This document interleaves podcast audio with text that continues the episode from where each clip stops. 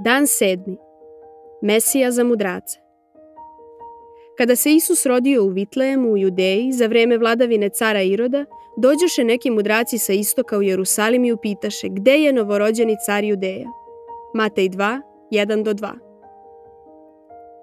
Za razliku od Luke, Matej nas ne izveštava o pastirima koji su posetili Isusa u štali, nego se odmah usred sređuje na strance, na neznabošce, ne jevreje, koji su došli sa istoka da se poklone Isusu. Tako Matej na početku i na kraju svog evanđelja predstavlja Isusa kao sveopšteg mesiju za sve narode, a ne samo za jevreje. Prema Matejevom izveštaju, prvi koji su mu se poklonili bili su dvorski čarobnjaci, to jest zvezdoznalci ili mudraci koji nisu bili iz Izraela, nego sa istoka, možda iz Vavilona.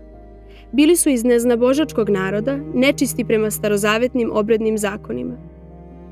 A Isusove poslednje reči na kraju Mateja glase Data mi je sva vlast na nebu i na zemlji, zato idite i sve narode učinite mojim učenicima. Time su za nas iz neznabožačkih naroda otvorena vrata da se radujemo u Mesiji, a istovremeno je pružen još jedan dokaz da Isus jeste Mesija, jer se u Starom Zavetu više puta pojavljuju proroštva da će mu narodi i carevi prići kao vladaru sveta. Jedno od njih se nalazi u Isaiji 63. Narodi će doći k tvojoj svetlosti i carevi k sjaju tvoje zore.